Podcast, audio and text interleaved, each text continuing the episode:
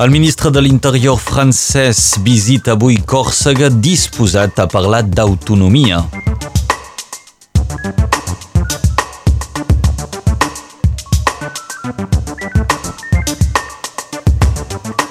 Us parlarem avui de la situació a Ucraïna i les conseqüències que pot tenir a casa nostra, sobretot des del punt de vista de l'energia perquè es pot reactivar el MidCat, aquest projecte de construcció d'un gasoducte que connecti Catalunya Sud amb el departament de l'Aude i que passarà, doncs, evidentment, aquí a Catalunya Nord. Nos en parlarà Carol Coll de la plataforma Resposta al MidCat.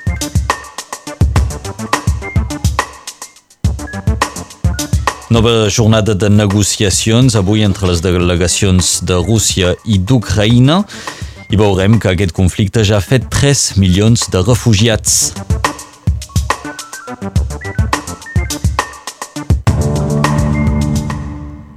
El govern francès estaria disposat a anar fins a l'autonomia de Còrsega. Així ho va assegurar ahir el ministre de l'Interior, Gerald Darmanin, que visitarà l'illa avui i demà per provar de calmar les tensions provocades per l'intent d'assassinat d'Ivan Colonna a la presó.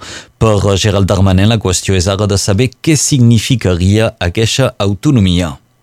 D'altra banda, avui el director de l'administració penitenciària compareixerà davant la Comissió de Lleis de l'Assemblea Nacional.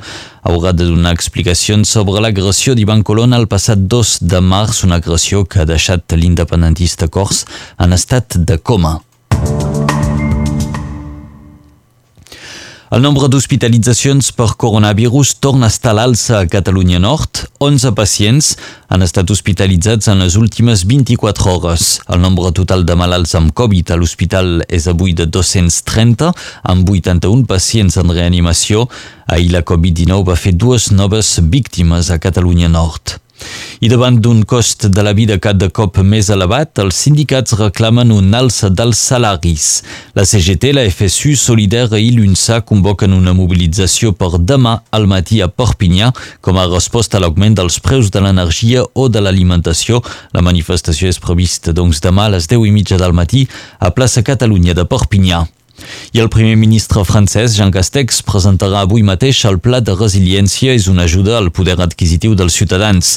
Unes ajudes, doncs, que s'aplicarien a partir del mes de juliol, a condició, és clar, que no hi hagi un canvi de govern arran de les eleccions del mes vinent. Una de les preocupacions més importants arran del conflicte entre Rússia i Ucraïna doncs, és eh, l'abastiment d'energies i en particular la dependència d'una part dels estats de la Unió Europea al gas rus. Entre les, les hipòtesis avançades per arribar a resoldre aquesta situació ha l'acabament d'un gasoducte entre Algèria i l'estat francès que passa per Catalunya.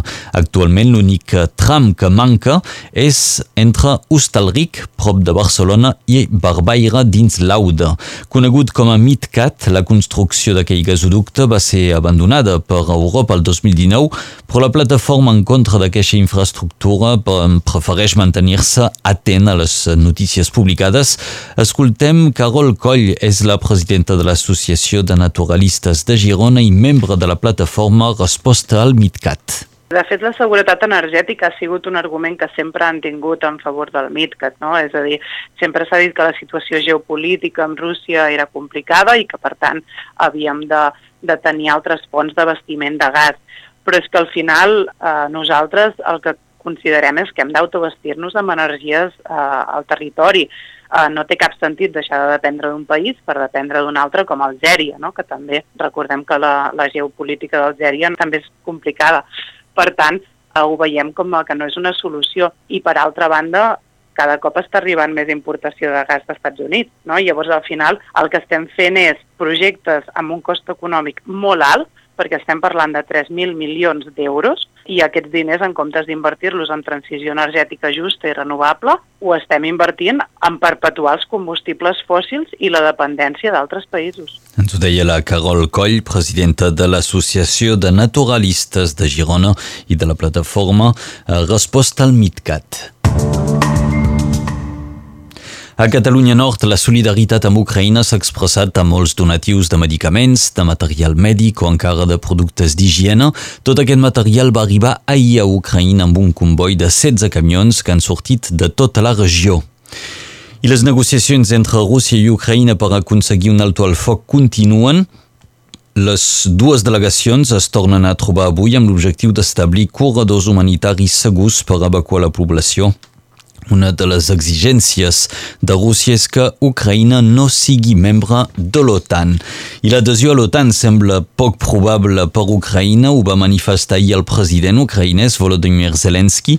Va dir que s'ha de reconèixer que el seu país haurà de renunciar a formar part de l'OTAN. Zelensky ha afirmat que els ucraïnesos entenen que no són membres actuals de l'Aliança Atlàntica i que, malgrat la política de portes obertes, tampoc ho seran en el futur. La guerra d'Ucraïna, que d'altra banda ja ha fet 3 milions de refugiats, segons l'Agència de les Nacions Unides pels Refugiats, l'ACNUR. La immensa majoria d'aquests refugiats, un, 1.800.000 persones, són actualment a Polònia, però en aquests 3 milions de refugiats hi cal afegir uns 2 milions de desplaçats interns, és a dir, que són persones que han trobat refugi al propi país. És un pas endavant important que destaquem avui per la igualtat de drets. Des d'avui, els homes homosexuals poden donar sang sense haver de respectar un període d'abstinència sexual. Els homosexuals tenien totalment prohibit donar sang fins al 2016, quan se'ls hi va permetre, però amb la condició d'haver passat un període d'abstinència sexual d'un any. Aquest termini va ser reduït a 4 mesos al 2019 i des d'avui els, homes, els homes homosexuals podran donar sang sense cap més restricció. L'actualitat esportiva i l'estadi del Futbol Club Barcelona canviarà de nom. Ahir el Barça va fer oficial l'acord amb la plataforma de música Spotify que es converteix en el nou patrocinador del club. El nom de Spotify apareixerà a la samarreta del Barça, però també a la façana de l'estadi que passarà a dir-se Spotify Camp Nou. Aquest patrocini haurà de ser validat en una assemblea extraordinària prevista el 3 d'abril.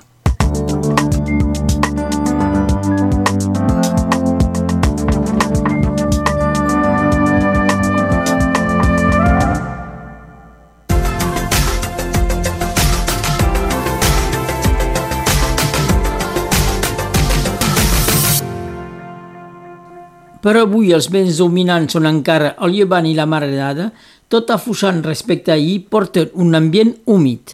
No necessiteu per a pluja per avui, tanmateix, el Fenolledès, el Rosselló i el Baix Vallespí tenen un cel cobert al matí i per la resta de les comarques és velat amb núvols alts. És al vespre que s'intensifica la nuvolositat sobre tot el territori. La temperatura és homogènia de la plana a la muntanya.